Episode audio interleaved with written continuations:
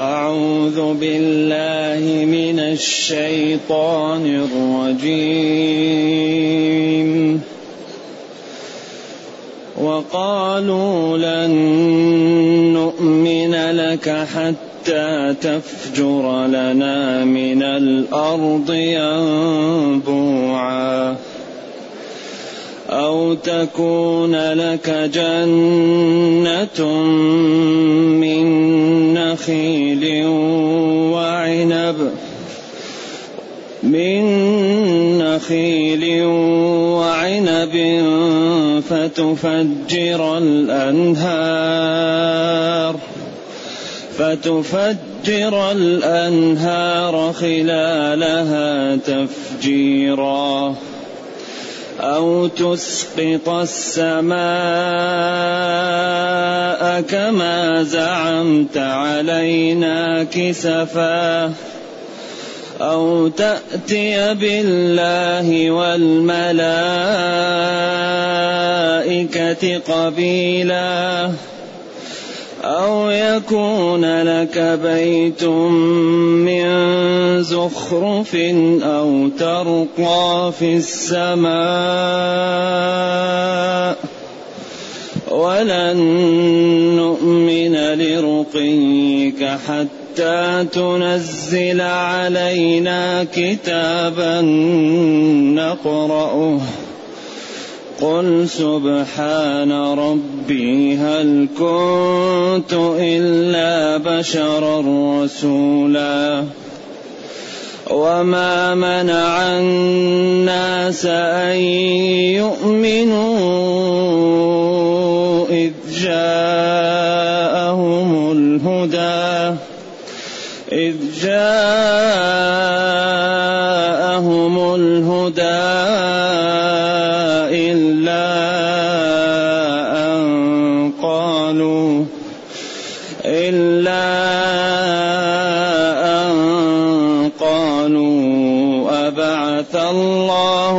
بشرا رسولا.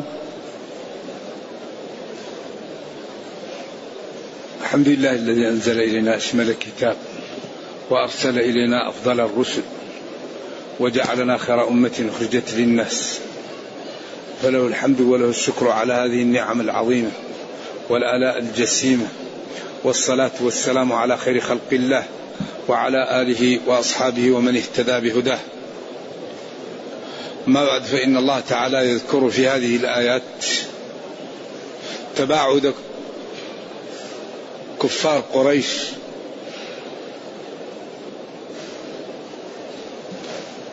وصناديدهم وصناديدهم من الإيمان بالنبي صلى الله عليه وسلم. يقال إنهم لما عاب آلهتهم. وسفه احلامهم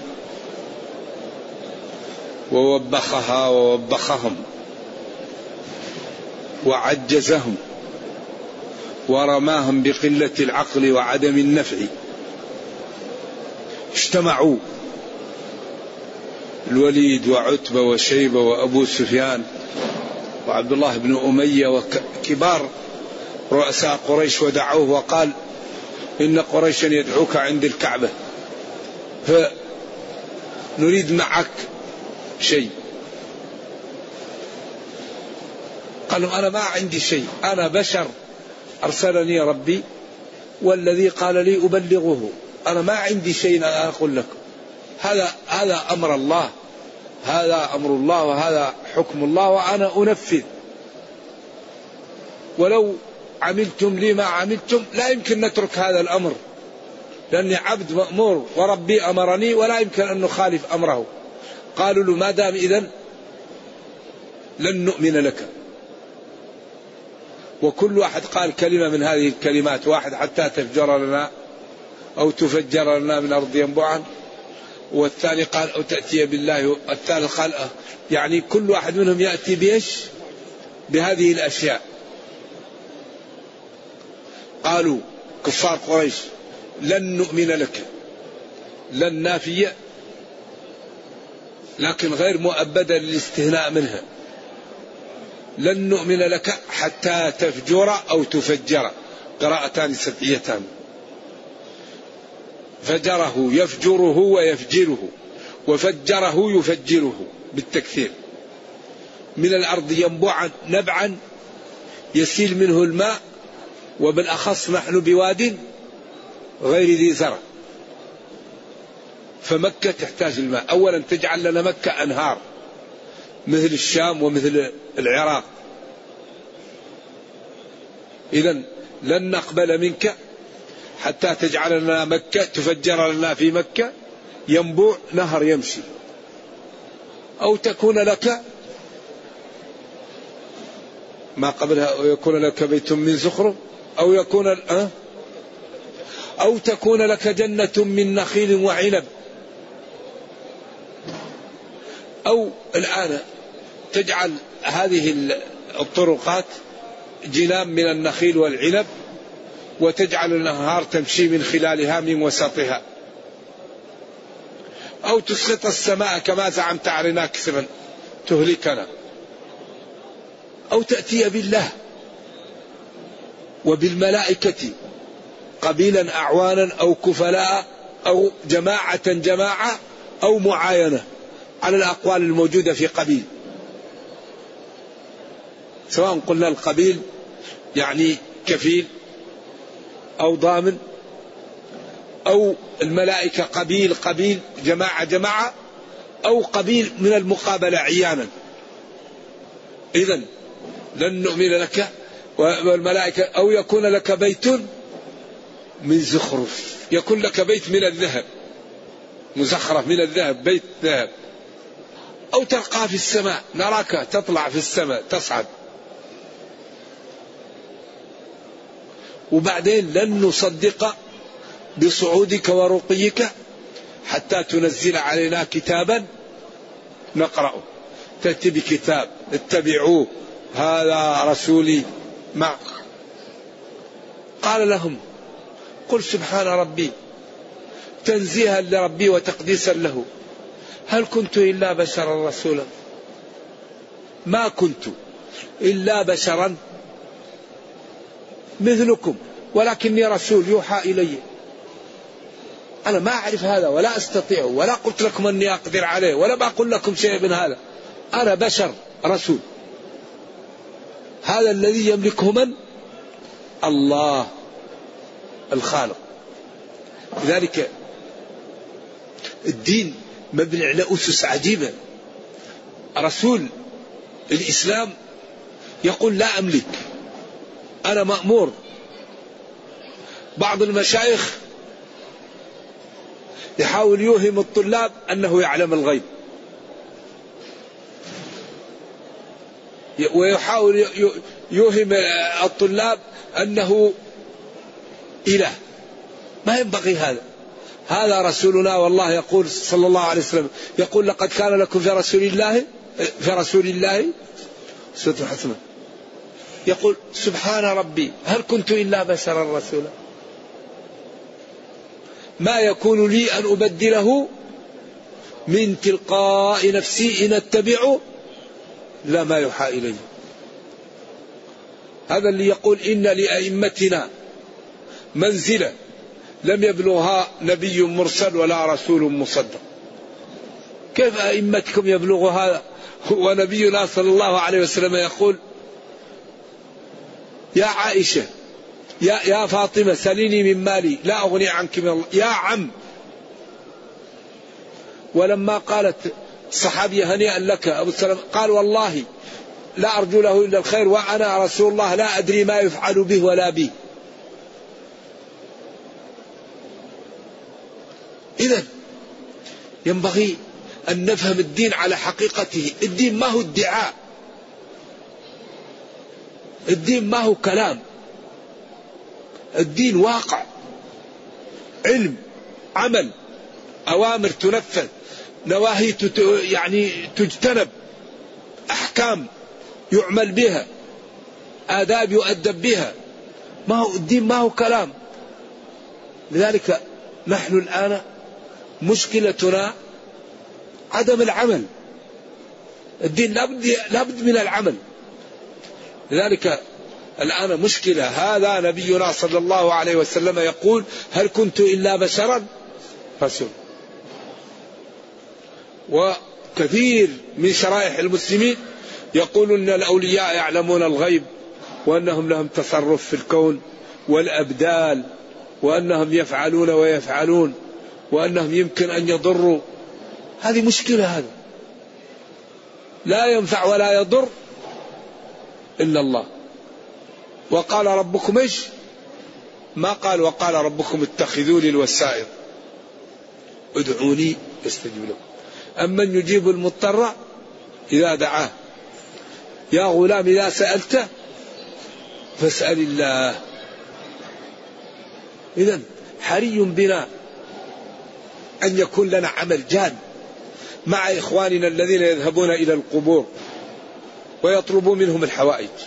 يطلبون من القبور الحوائج. ويذبحون على القبر. هذه مشكلة هذه. الذبح سيلان الدم مثل السجود. لا يكون إلا على اسم الله. ولا تأكلوا مما لم يذكر اسم الله عليه. وما ذبح على النصب هذا ميتة فسيلان الدم هذا لا يكون إلا لله. لا يذكر على الذبح إلا الله. فالذي يذبح لغير الله هذا مشكل. مثل الذي يركع لغير الله. إذا كفار قريش قالوا لن نؤمن لك حتى أبدا. حتى تأتينا بأمور عجيبة. قال لهم أنا لا أملك هذا. أنا بشر رسول. كما قال قل إنما أنا بشر مثلكم يوحى إلي. هل كنت إلا بشرا رسولا ما أنا إلا بشر يعني من بني آدم ولكن الله أرسلني. فما أمرني به أنفذه وما نهاني عنه أجتنب ولا أملك لكم شيء. ولذلك لما كان صلوات الله وسلامه عليه يجتهد لكي ينقذ قومه. عزيز عليه ما عنتم حريص عليكم. قال فإن استطعت أن تبتغي نفقا في الأرض أو سلما في السماء فتأتيهم بآية ولو شاء الله لجمعهم على الهدى فلا تكونن من الجاهلين.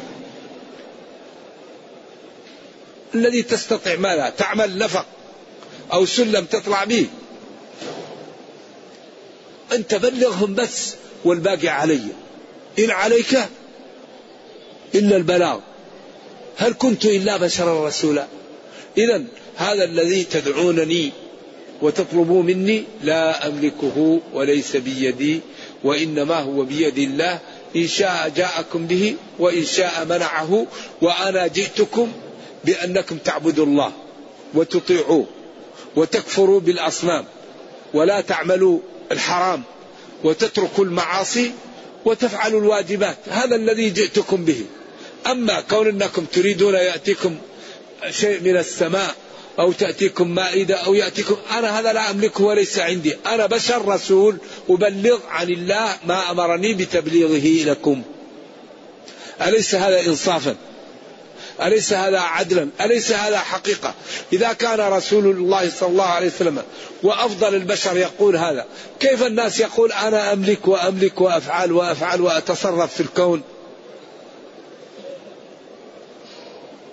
يقول أنا أتصرف في الكون وأنا أفعل وأنا أصعد. يعني كلام لا ينبغي ولا يقول أحد. وبعضهم يقول جاءني رسول الله صلى الله عليه وسلم يقظة لا مناما وأعطاني صلاة وقال إنها تعدل ستة ألاف ختمة للقرآن. واحد قال شي يقول؟ شيء معقول. يقول جاءني في النوم أو جاءني. أما جاءني يقظة لا مناما وأعطاني صلاة وقال إنها تعدل ستة ألاف ختمة للقرآن. أولا هذا فيه من الخطورة أول شيء ما معنى اليوم أكملت لكم دينكم؟ وهو أتى بحكم جديد. بعدين يقول يقضى لا مناما. ذلك نرجو الله تعالى أن لا يضلنا وأن يبصرنا بالحق ويرزقنا الإنصاف. بعدين هذا الأمر في غاية الخطورة. لاحظوا معي أن عمر رضي الله عنه يعني أصيب في محرابه في صلاة الفجر يصلي. ونبي الله صلى الله عليه وسلم لم يأتهم. وعثمان قتل في المدينة يقرأ المصحف والنبي صلى الله عليه وسلم لم يأتهم. وابن عمته عبد الله بن الزبير صلب في مكة ولم يأتهم. ويروح في القرن الثالث عشر إلى آخر الدنيا ويعطي الواحد صلاة ويقول له هذه تعدل ستة آلاف ختمة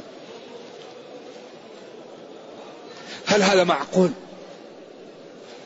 طيب أين نقول اليوم أكملت لكم دينكم؟ كيف هذه الصلاة ما قالها النبي صلى الله عليه وسلم لأصحابه ولم يبلغها لهم؟ وبعدين يأتي يعني أمور أمور في غاية الخطورة. ولذلك الذي يحمي من هذه الأمور هو العلم. الذي يحمي العلم. لأن الإنسان إذا تعلم فرق بين الرحمن وبين الشيطان وبين الرسول وبين إبليس وبين هاجس الخير وهاجس الشر. وعرف كيف يسلك الطرق التي تنجيه. لذلك أكبر ضابط هو الاستقامة.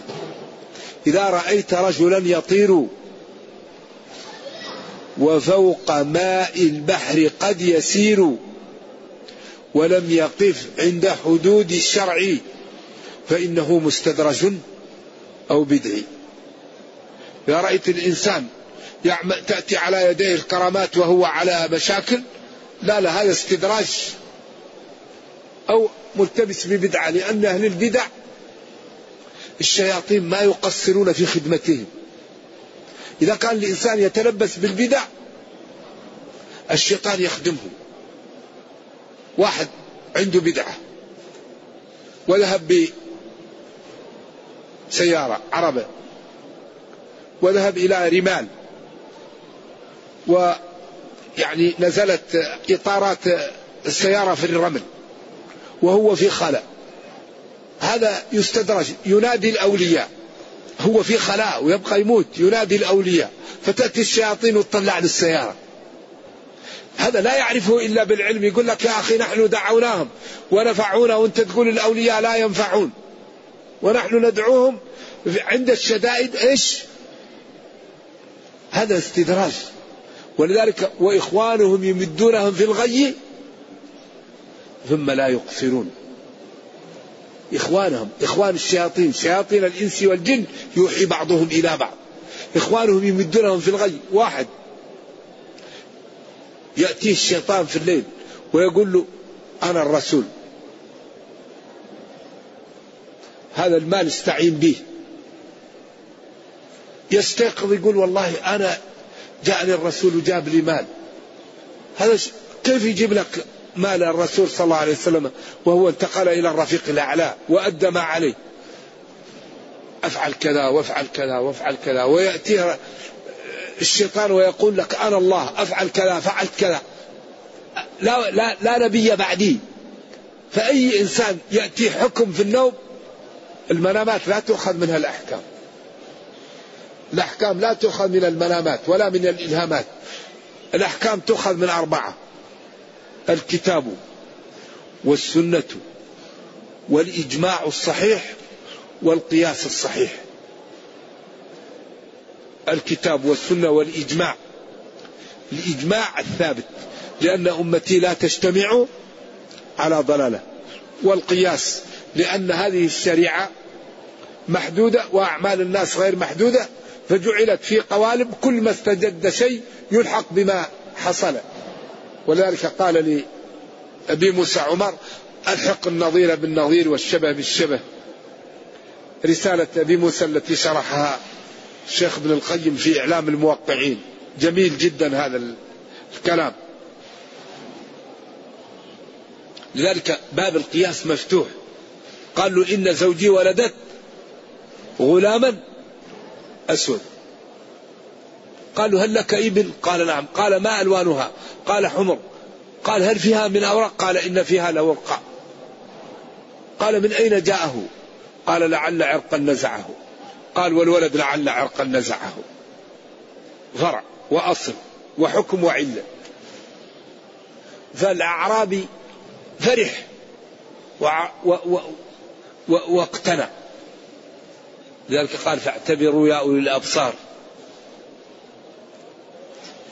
إذا ينبغي لنا أن يكون لنا عمل جاد مع الشرائح التي مع الأسف انحرفت عن الكتاب والسنة وابتعدت وأصبحت تنفر من إخوانها الذين يريدون لها إيش؟ الخير والإنقاذ. ولذلك لا بد أن نوجد التآلف بين المسلمين حتى يستفيد كل واحد منهم من الآخر. لا بد من إيجاد التآلف لأنه بدون, بدون تآلف المنحرف لا يقبل منه إذا وجدنا بين التآلف والتحابب عند ذلك يأتي التحاور. ويكون إذا قلت, قلت لأخيك كلاما سمعه فاستفاد منه. لذلك هذا الدين كله قائم على التحاور. ديننا دين دين الإقناع. قال فإن تنازعتم في شيء فردوه إلى الله والرسول. وقال وإن كنتم في ريب مما نزلنا على عبدنا فأتوا بسورة وقال وإن طائفتان من المؤمنين اقتتلوا أصلحوا بينهما. أصلحوا بينهما هو الجلوس على طاولة المفاوضات وتدلي بحجتك وأدلي بحجتي وكل واحد يبين ما عنده حتما سيظهر الظالم من المظلوم. بعدين فقاتلوا التي تبغي متى؟ بعد الصلح. لا بد أن يظهر الظالم من المظلوم. بعدين لا بد أن نوقف الظالم عن الظلم. انصر أخاك ظالما أو مظلوما. قال كيف ننصره ظالم؟ قال نمنعه من الظلم. فأصلحوا. الصلح يكون على طاولة المفاوضات. وكل واحد يدري بحجته. وكل واحد يبين. فلا بد أن يظهر المحق من المبطل. إذا المبطل لا بد أن نأخذ على يديه حتى يرجع إلى الحق. فإذا رجع إلى الحق فلا يكون ظلم السابق مانعا من العدل. وأقسطوا. فإن فاءت فأصلحوا بينهما بالعدل. ولا يكون الظلم السابق سببا في ظلم لاحق. وأقسطوا. إن الله يحب المقسطين. إنما المؤمنون إخوة. هل كنت إلا بشرا رسولا إذا يقول لهم أنا بشر رسول. ثم قال جل وعلا وما منع الناس أن يؤمنوا إذ جاءهم الهدى إلا أن قالوا أبعث الله بشرا رسولا هذه هي المشكلة. قالوا كيف؟ الله جل وعلا يرسل البشر ينبغي يرسل الملائكة أو يأتي. أما البشر هؤلاء كيف يرسلوا؟ وما منع الناس كفار قريش من أن يؤمنوا إلا أن إلا أن الذي جاءهم بالوحي بشر إلا أن قالوا أبعث الله بشرا رسولا. فرد عليهم ردا قويا واضحا مقنعا. فقال لهم قل لهم يا نبي لو كان في الأرض ملائكة. لو فرضنا أن سكان الأرض ملائكة يمشون مطمئنين لنزلنا عليهم من السماء ملكا رسولا. لأن ما يمكن يكون الرسول إلا من جنس المرسل إليهم. لأن غير المرسل إليه أصلا ما في تآلف ولا في تفاهم. ولذلك آه، إن الطيور على أشكالها تقع المثيل مع المثيل. ولذلك كل إنسان مع من, من يشاكله. ولذلك قال ولو جعلناه ملكا لجعلناه رجلا وللبسنا عليهم ما يلبسون. إذا القضية قضية أنكم أنتم تريدون الكفر والضلال وما جاء في القرآن من الأدلة والبراهين يكفي لأنكم أنتم أصحاب فصاحة وبلاغة وتعرفون الأساليب وتعرفون جمال الكلمة وكيف تكونوا في موقعها وجاءكم بهذا الكتاب وقال لكم إن كنتم مكذبين به فأتوا بمثله فعجزتم وقامت عليكم الحجة وعلمتم أن هذا الكتاب من عند الله. فالذي تريدونه هو مجرد تعنت ومكابرة وإيباع عن الإيمان. أما الأدلة التي جاءتكم ففيها الكفاية والزيادة.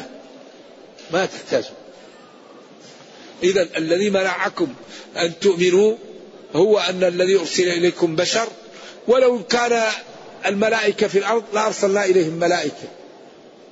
قل لهم لو كان في الأرض ملائكة يمشون مطمئنين يعني ساكنين لنزلنا عليهم من السماء ملكا رسولا. قل كفى بالله شهيدا بيني وبينكم. كفى بالله. بالله فاعل كفى. في حال كونه شاهدا بيني وبينكم. وهذا فيه تهديد وتخويف وأن الحقائق والأمور ستنجلي في وقت لا تدارك بعده. هذه الأمور ستنجلي لكن بعد أن يفوت الأوان. الناس الآن الذين لا يطيعون الله إذا ماتوا أو عاينوا الموت تجلت لهم الأمور. بعدين يقول آه آه ليتني أنت الآن في الدنيا يا أخي بادر. بادر بالتوبة بادر بالعلم بادر بالعمل. الله أعطاك العقل وأعطاك العافية وأعطاك نعم وجعل لك السمع والأبصار والأفئدة لتشكر ربك. فاشكره قبل أن يفوت الأوان. وما يشكل عليك اسأل عنه حتى يقوى إيمانك. لأن إزالة الشبه من أكبر أسباب تقوية الإيمان. والشبه تضعف الإيمان. فالمسلم يكون شجاع إذا كانت عنده شبه يسأل العلماء حتى ينجلي عنه كل الغبش فيقوى إيمانه فينشط للعبادة. فيكون من عباد الله الصالحين فيحميه الله. لأن عباد الله الصالحين لا سلطان للشيطان عليه. والله يحميهم وينصرهم ويدمر من يريد أذيتهم. من عادى لي وليا فقد آذنته بالحق. إذا فلنكن من عباد الله الصالحين. ولنبذل الوقت نبذل الوقت لديننا. لا يمكن أن نفهم هذا الدين إلا بالوقت. لا يمكن أن نحفظ القرآن إلا بالوقت. لا يمكن أن نفهم الأوامر ونجتنب النواهي إلا بالوقت. كل واحد منا يقتطع جزءا من وقته لكتاب ربه. يحفظه يفهمه يعمل به يتأدب بآدابه. يتخلق بأخلاقه. يكون له قدوة. أما الواحد لا يستعد يعطي وقتا للدين. من أين يقوى الدين وهو لا يعطيه وقتا؟ لا يحفظ سورة البقرة. لم يتبع الأوامر. لم يتبع النواهي. لم يعرف ما, ما سبيل النجاة. لما خلقنا؟ لا بد أن نهتم بديننا كما نهتم بأموالنا وأولادنا. الذي يريد النجاة لا يجعل الدين تحت المال والأنفس. إنما أموالكم وأولادكم فتنة. والله عنده أجر عظيم. وكفى بالله شهيدا بيني وبينكم. قل كفى بالله شهيدا بيني وبينكم. إنه كان بعباده خبيرا بصيرا. قل لهم يا نبي كفى بالله أي كفى الله شهيدا أي شاهدا بيني وبينكم فيما بلغتكم وفيما رددتم به وفيما جئتكم به وفيما امتنعتم عنه. إنه جل وعلا كان ولم يزل بعباده خبيرا بما في قلوبهم بصيرا بأحوالهم. وبمصالحهم وبأمورهم وسيجازي كلا بعمله.